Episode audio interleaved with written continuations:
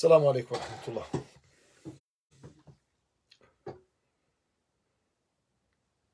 Alhamdulillahi rabbil alamin. والصلاة والسلام على رسولنا ونبينا محمد وعلى آله وصحبه أجمعين اللهم رب اشرح لي صدري ويسر لي أمري واحلل عقدة من لساني يفقه قولي وبعد Allahu Đerlešanuhu se zahvaljujemo na svim njegovim blagodatima. Neka je njemu uzvišenom hvala na svemu što nam je podario u našim životima. Salavate i selame donosimo na Allahov poslanike, miljenika Muhammeda alaihi salatu wasalam, na njegovu porodicu, časne ashabe i sve vjernike i vjernice koji slijede u dobru do sudnjega dana.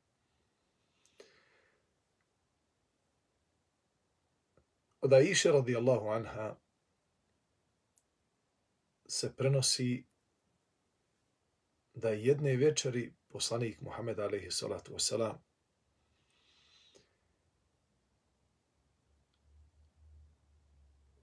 provodiši noć sa njom, nije mogao da zaspije.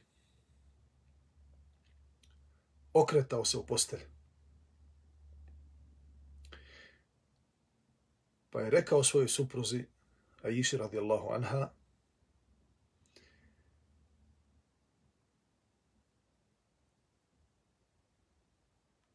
ليت رجلا صالحا من أصحابي يجيئني فيحرسني الليلة da hoće Bog dom jedan dobar čovjek, čestit čovjek, od mojih prijatelja, od mojih ashaba, doći večeras da stražari ispred moje kuće, kako bi Allahu poslanik alihi salatu wasalam mogao na miru da zaspi. Jer u njegovoj misiji alaihi salatu wasalam koja nije bila ništa drugo do pozivanje ljudi Allahu Đelešanuhu. Njegova misija je bila da ljude poduči la ilaha illallah Muhammedu Rasulullah na tom putu imao je mnogo neprijatelja. Pa se u Medini bojao da neko neće od neprijatelja Islama doći tokom noći i ubiti ga. Pa nije mogao da zaspi. Nije mogao da zaspi jer njegova misija nije bila potpuna. Još mu je Kur'an se lazio. Ali je bio čovjek I upravo u, toj, u tom njegovom e, biću koje je bilo ljudsko, nalazila se njegova veličina u moralu, u odgoju, u ibadetu, u podnošenju ezijeta i raznih nedaća, koji su mu ljudi na, nanosili. Pa da niko ne može da kaže sutra da je Allahov poslanik ali salatu vesela mogao nešto, a mi ne možemo. Jer je bio, na primjer, neko drugo biće, a mi smo ljudi. Ne. On je bio čovjek poput nas. Osjećao je bol. Imao je emocije. Razbolijevao se. Umarao se. Razmišljao. Šta će se sutra desiti?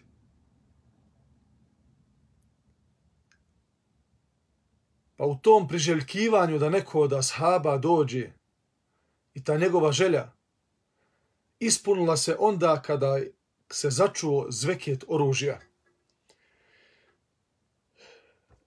Pa je upitao, alaihi salatu wasalam, ko je to? Pa taj čovjek odgovori, kaže, Sa'ad. Sa'ad je taj koji je došao pred kuću Allahov poslanika, alaihi salatu wasalam.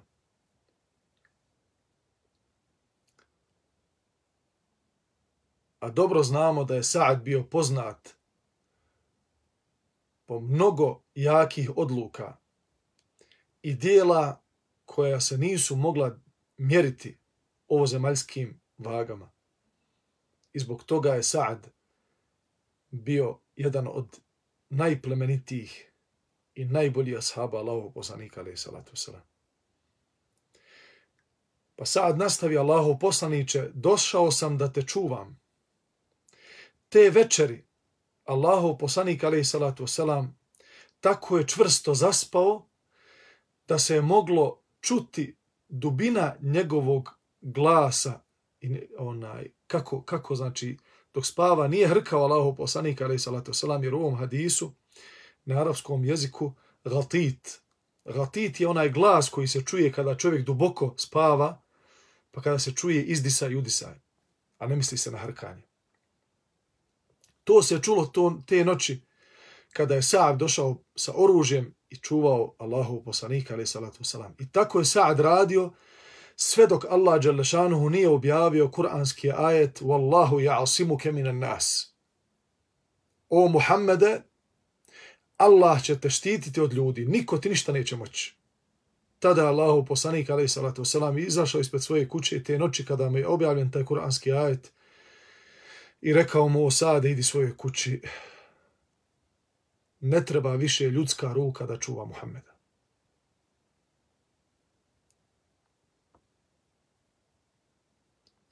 Koja je samo počast da insan bude od onih koji čuvaju Allahov poslanika, ali salatu salam. Da se druži sa njim, da povjeri u njega. Ima jedan fin događaj, jedna priča sa Hudejfom ibn Jemanom, radijallahu anhu. Kada mu je došao jedan tabin i raspitivao se o Allahovom poslaniku. Jer tabijini su ljudi, muslimani, koji su zatekli jednog od ashaba, ali nisu vidjeli Allahovu poslanika, ali salatu salam, nego su vidjeli nekog od ashaba, ili jednog ili više njih. Taj čovjek dobiva, dobija epitet, epitet tabina. Pa je Huzeyf ibn Jeman sjedio sa tabinom, i pričali su Allahovom poslaniku, ali i salatu salam, o njegove ličnosti, o njegove veličini, o njegovom moralu, o tome kako je odgajao svoje ashabe. Pa kaže ovaj tabein, ej, kaže da je nama bilo vidjeti Allahovog poslanika i živjeti u njegovom dobu. Pa mi mu ne bi dali da hoda ovom zemljom. Mi mu ne bi dali da, da uopšte ima potrebu da hoda, mi bi ga nosali na svojim ramenima pa se Uzeife ibn Jeman naspijao. I kaže, e, moj prijatelju, nisi ti bio te jedne hladne večeri, kada su saveznici došli na domak Medine da ubiju Allahov poslanika zajedno sa sahabima i time po njihovim pretpostavkama okončaju islam. Da islama više ne bude. Kaže, nisi ti bio te hladne noći. Kada je Allahu poslanik, alaih salatu wasalam, došao među nas, a u toj hladnoj, gladnoj, strahovitoj noći, sjedili su među ashabima svi poznati ashabi. Svi koji znate i koji ne znate. I kaže Rasulullah alaihi salatu wasalam, ko od vas ode večeras do saveznika, do Kurejšija i do njihovih saveznika koji su došli na domak Medine da okončaju rat sa muslimanima i da pobiju muslimane i donese mi vijesti od njih, ja mu garantujem da, ću, da ćemo mi zajedno biti na sudnjemu danu. Niko se nije čuo, niko se nije javio od Allahovi poslanika da to radi, od, od, od ashaba da to radi. Allahov poslanik ponovo ponavlja isto pitanje. Ko će od vas da ode kod saveznika, kod Kurejšija i da mi donese njihove vijesti? Ne treba da ratuje protiv njih, ne treba da nekoga ubije, ne treba ništa. Samo da se prišunja njihovim šatorima i da čuje o čemu oni pričaju. Ja mu garantujem džennet, garantujem mu da ćemo skupa biti na sudnjemu danu, ništa mu se loše neće desiti. I nakon drugog i trećeg ponavljanja istog pitanja, niko od ashaba se ne javlja da to uradi. Pa je Allahu poslanik alaih salatu wasalam rekao, kum ja Huzeifa, ustani o Huzeifa. I prišao mu je Huzeifa i sav se trese od hladnoće, od hladnog vjetra pustinskog koji je brijao sve pred sobom. Pa ga Allahu poslanik udara po prsima i kaže Huzeife, osjetio sam toplinu ruke Allahov poslanika, alaih salatu I kaže, o Huzeife, otiđi i donesi mi vijesti od Kurešija. Kaže, mudri Huzeife, koji je čuvar tajne Allahov poslanika, odlazi među njih, šunja se i sjeda oko vatre gdje su bili saveznici. I grijali se tu noći i razgovaraju. I u jednom trenutku dolazi Ebu Sufjan koji je bio vođa saveznika. Na čelu saveznika kao vojskovođa protiv muslimana. Tada Ebu Sufjan još nije bio primio islam.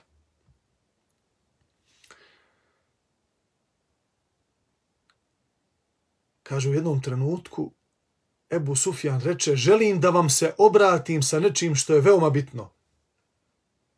Sve oči su bile uprte u njega. Huzeife jedva čekao da čuje haber. Međutim, Ebu Sufjan požuri sa nečim drugim, što je na trenutak uplašilo Ebu Huzeifu. Kaže, o ljudi, prije nego što vam išta kažem, okrenite se i vidite ko do vas sjedi, pitajte ga ko je. Možda ima ubačenih ljudi među nama. Pa kaže Huzeife, pogledajte, Allahu poslanik daje zadaću onome ko zaslužuje zadaću, ko zaslužuje taj, taj ko je na tom nivou da može ispoštovati tu zadaću, sa mudrošću, sa znanjem, sa, sa brzinom razmišljanja. Kaže Huzeife, pa sam se okrenuo prema čovjeku koji je sjedio pored mene i ja njega prvi pitao, ko si ti?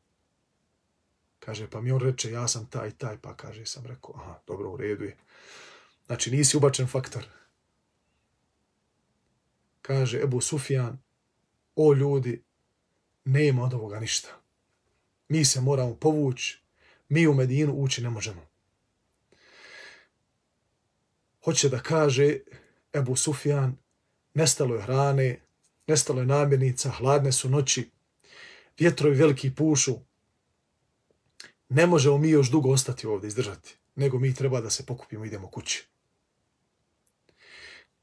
Kada je Huzeife čuo ovaj haber, jako se obradovao, jer je znao da će ovaj haber razgaliti dušu i srce Allahov poslanika, ali i salatu salam.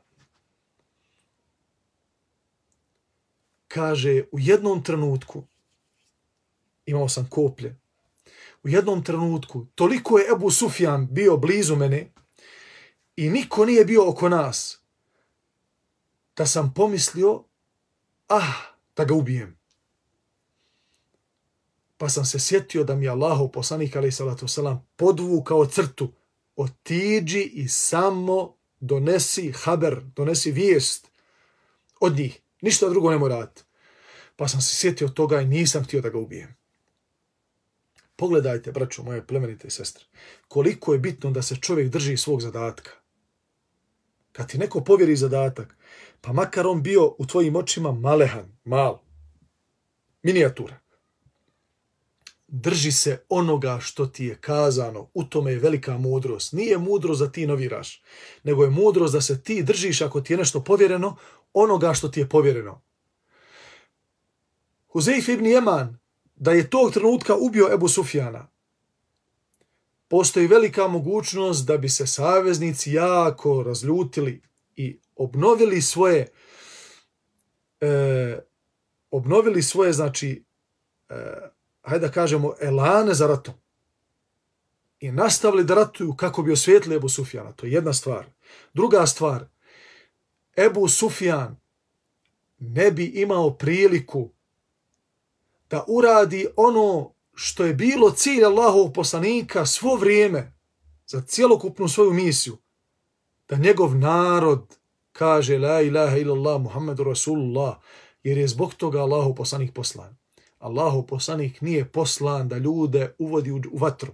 Allahov poslanik je poslan da ljude izvede iz tmina na svjetlo, da svakog onoga koji ide putem vatre, putem džehendema, da ga s tog puta skrene ka put dženneta, kao što se desilo sebu Sufjanu. I nemalo zatim, nakon bitke Ahzab, bitke saveznika, Ebu Sufjan prima islam, a Huzeife ibn Jeman je ispoštovao od početka do kraja zadatak Allahov poslanika, pa je Allahov poslanik, ali salatu selam, se jako, jako se obradovao toj, toj vijesti, kada je Huzeif ibn Jeman otišao od njih, došao je pravo Allahom poslaniku i obavijestio ga. Kaže, bilo mi je mnogo hladno da me Allahov poslanik, ali salatu selam, zagrnuo svojim džubetom, na kojim je znao često da klanja. Kaže, pa sam u blizini vatre zaspao sve dok nije zaučio sabahski jezan. Pa je prišao mi Allahov poslanik da me propudi i kaže, spavalico, ustaj. Pogledajmo kako je Allahov poslanik, ali salatu selam, bio plemenit prema, prema svojim ashabima. Koliko je bio brižan, poput oca prema svojoj djeci i više od toga. Jer je bio njihov učitelj. Bio je njihov e, upućivač. Bio je ona osoba koja im je svijetlila u noći tame, u kojoj su živjeli Arapi prije Islama. Sallallahu alaihi wa sallam. Sljedeće poglavlje e, govori o bitnosti jezika, o bitnosti spravnosti govora. Arapi mnogo vode računa. E, ne mislim sada na, na, na ove nove generacije Arapa gdje su se dijalekti proširili među običnim ljudima, gdje svaka država ima svoj dijalekat koji u većini slučajeva ne liči uopšte na gramatički jezik. Kur'anski jezik je nešto, gramatički jezik je nešto, a ovo o čemu se, o, na koji način sada Arapi pričaju u svakoj državi, arapskoj, je skroz nešto drugo. Niti poštuju gramatiku, niti poštuju padeže, niti poštuju išta. Znači, čak i mnoge riječi su izmijenjene ima dosta riječi koji, koje uopšte ne liče na arapski jezik i ako želite s njima da komunicirate, morate pored gramatičkog jezika da naučite stotine, čak i hiljade možda riječi koje uopšte nemaju e, arapski korijen ili imaju ga, ali, ali su izmijenjene i onda morate malte ne da učite dva jezika umjesto jedan jezik. Ali kaže u onaj e, u doba ashaba pri Ibn Omer radijallahu anhu, a to prenosi Nafija, e, Nafija prenosi, a Nafija je jedan od, od, od ajde da kažemo, e, najzlatnijih prenosilaca od Ibn Omera. Onaj, to je, ima, ima jedan od, od lanaca, onaj, silsile Zahabije, Malika Nafija, ali Ibn Omer, radijallahu anhuma, anhuma, E, kada hadis prenosi Malik od Nafije, a on od Ibn Omera, e, radijallahu anhuma, e, taj hadis dobija klasifikaciju zlatni lanac. Nafija prenosi da je vidio Ibn Omera kako svoje dijete udari kada pogriješi u gramatici u arapskom jeziku. Jer e, pogotovo u arapskom jeziku, ako griješite u gramatici, ako ne znate padeže, često možete da promijenite smisao rečenice. A i u svakom drugom jeziku U svakom drugom jeziku veoma je bitno da znamo da se izražavamo, da znamo da, da, da razumijemo, da, da, da govorimo tečno taj jezik i e, treba se truditi da, e, pogotovo omladna koja ide u školu, da što veće rezultate postiže, da im ne bude mrsko da uči. E, imamo čak jedan fenomen, Eh, onaj, ajde, ajde, da se obraćamo sada populaciji koja je svjesna Allaha, koja je svjesna uh, islama i da treba učiti islam. Imamo jedan fenomen kod te omladine koji dolaze u džamiju da šta? Da kaže, ba meni je bitno da učim islam. A ove ostale predmete, poput, ne znam, nija geografije, poput historije, poput bosanskog jezika ili nekog drugog jezika, e, drugih predmeta, men to nije bitno da uči. Ne, ne, i kako je bitno. I kako je bitno. Pogledaj za viri samo u historiju islama. Pa ćete vidjeti da e, muslimani su bili poznati po svim naukama. Kroz istoriju. I kroz matematiku. Pogledajte. Na kojim, e, koji, koji su to brojevi sada koji se koriste u cijelome svijetu? To su arapski brojevi. koje su, ko, ko, je prvi, a, ko je prvi izmislio algoritme? Ko se prvi bavio astronomijom? Ko su prvi ljudi koji su izmislili sprave za stomatologiju i druge neke hiruške zahvate u hirurgiji, koji se i dan danas u 21. stoljeću koriste, a izmišljeni su prije 10 stoljeća? To sve uradili muslimani. I mnogo toga, više od toga. To možete da pročitate u istorijskim knjigama. Znači, muslimani su poznati po svim naukama. I musliman je onaj ko koji se okorištava, koji uči nauk. E, I nije mu mrska knjiga. Muslimanu je, muslimanu je draga knjiga i treba da musliman bude prepoznatljiv po tome. Prepoznatljiv po nauci, po knjizi i po visokim ocjenama u školama.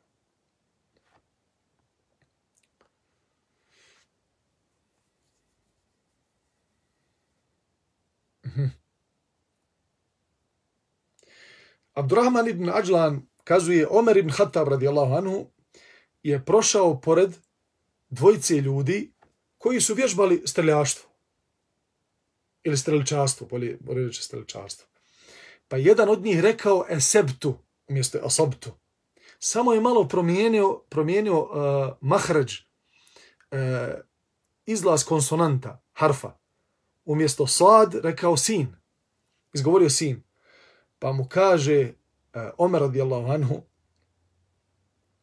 kaže, lošije je to kako se izrazio nego da si promašio. Bolje je bilo da ne znaš nikako da gađaš strijelom, lukom i strijelom, nego da si ovo što si uradio sada sa, sa svojim jezikom. Tako da, onaj, kod Arapa je to veoma, veoma bilo onaj, izraženo i a, u doba Allahov poslanika i prvih generacija muslimana nije se moglo desiti da neko pogriješi u jeziku.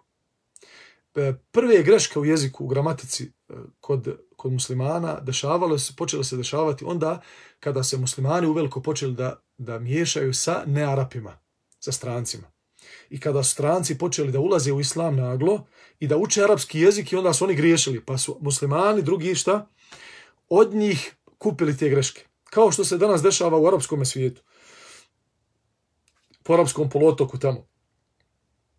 Gdje većinom njihove sluge i ljudi koji rade za njih u njihovim, na njihovim manjima, u njihovim kućama, to su većinom ljudi iz Indije, iz Pakistana, iz Bangladeša, iz Filipina, Indonezije i tako dalje. I oni svi pomalo nauče arapski. Ali kakav nauče? Uče e, pakistanski arapski jezik. I vjerovali li ne, Arapi vremenom su pokupili taj neispravni pakistanski arapski jezik od samih pakistanaca. Što je pravo žalosno. I onda vidite Arapa koji je oca, od oca i majke Arapa išao u osnovnu srednju školu i završio fakultet na arab, čistom arapskom jeziku, možda poznaje trećinu Kur'ana na pamet, ali jedan stranac koji studira tamo islamske nauke bolje od njega priča gramatički jezik ovaj ne zna se izrazi. Zašto? Zato što godinama već sa slugama svojim komunicira, on je navikao već na te greške gramatičke koje paraju uši onih koji poznavaju gramatiku arapskog jezika. Što je nažalost.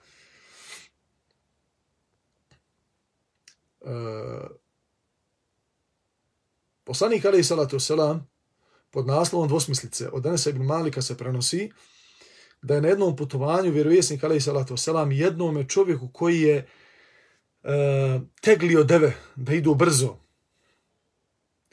U jednom drugom rivajetu koji nije ovdje spomenut, eh, spominje se da su te deve jahale neke od žena, su bile na, na tim devama, pa je ovaj ashab imao lijep glas, pa je pjevušio tim glasom i zbog tog njegovog pjevušenja deve su išle galopom. Znači, išle su brzo. Pa je sallallahu alaihi wasallam rekao rifkam bil kavarir, polako sa staklenicama. Polako sa staklenicama misleći na žene, jer galopom kad deva ide, trese se deva i normalno osoba koja se nalazi na devi ne može to da podnese, jer e, tvrdo je, tvrdo je sedlo. Pa je sallallahu alaihi wasallam iskoristio ovdje dvosmislicu ili metaforu da je uporedio žene koje sjede na, na devama, da su to staklenice, znači osobe koje su krhke, pa nisu smatrali u doba Allahov poslanika alaih salatu wasalam i doba prvih muslimana i, i dalje nikad se to nije smatralo pod laži da nešto metaforički preneseš ili da kažeš za nekoga nešto, a da, znači, nisu to bile nikakve staklenice, nego su to bile osobe na devama, žene, je tako? Međutim, koristeći ove dvosmislice, e, čovjek ne ulazi u laž. E, to je to poglavlje, znači, da li od morala muslimana, znači da koristi te izraze i da mijenja e, kako bi na taj način e, otkrio neku osobinu ili, ili e, htio, imao neki cilj za toga da se, da se izrazi kako bi onaj koji to čuje e, shvatio bolje o čemu se radi, da li to se može smatrati pod laži, nije to laž. To je dvosmislica koja, koja znači je dozvoljena, dozvoljena znači da se koristi. Od Amra ibn Asa, radijallahu anhu, se prenosi da je rekao, čudim se čovjeku koji bježi od sudbine, a ona će ga zasigurno susresti. Bježi od smrti. Vidi trun u tuđem oku, a ne vidi balvan u svom. Liječi mržnju u tuđim prsima, a previđa svoju. Kaže, nikog nisam ukorio zato što je otkrio tajnu koju sam mu povjerio. Jer i kako bi kada sam mu već time učinio teret. Nekome kažeš tajnu i onda očekuješ da on u potpunosti sakrije tu tajnu ako je krupna. Pa ako je toliko krupna tajna, nemoj nikome govoriti. Ljudi često se povjeri nekome, ali e, onda kada se pročuje za tu tajnu, onda kažu pa zaš, zašto si ti ispričao to kad je to bilo samo za tebe? Brate moj, poštovana sestro, ako imaš neku tajnu za koju ne želiš da niko, ne, niko sazna, nemoj nikome reći, jer je čuvanje tajne veći teret od planine koja, koju možeš da, koju ti neko stavi, ako se može metaforički staviti, ali ne može, neko ti stavi na pleća planinu i ovaj to treba da iznese, lakše je meščini planinu da, da, da iznese čovjek nego da, da tajnu čuva. E, završit ćemo sa jednom predajom o kojoj treba da razmišljamo.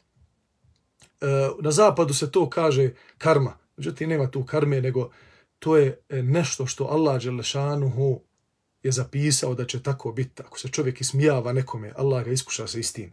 Kaže da iša radijallahu anha se kazuje. Pogledajte koliko iskustva neka čovjeka zna dovesti do, do razmišljanja. Kaže, neki hrom čovjek prođe pokr, pokraj par žena. Hrom čovjek onako nelagodno hoda, šepa na jednu nogu, prođe pored, pored nekoliko žena, kaže, pa mu se one nasmijaše. Kaže, pa sam vidjela neke od njih kako su kasnije bile pogođene sa istom bolešću. I one su šepale na isti način.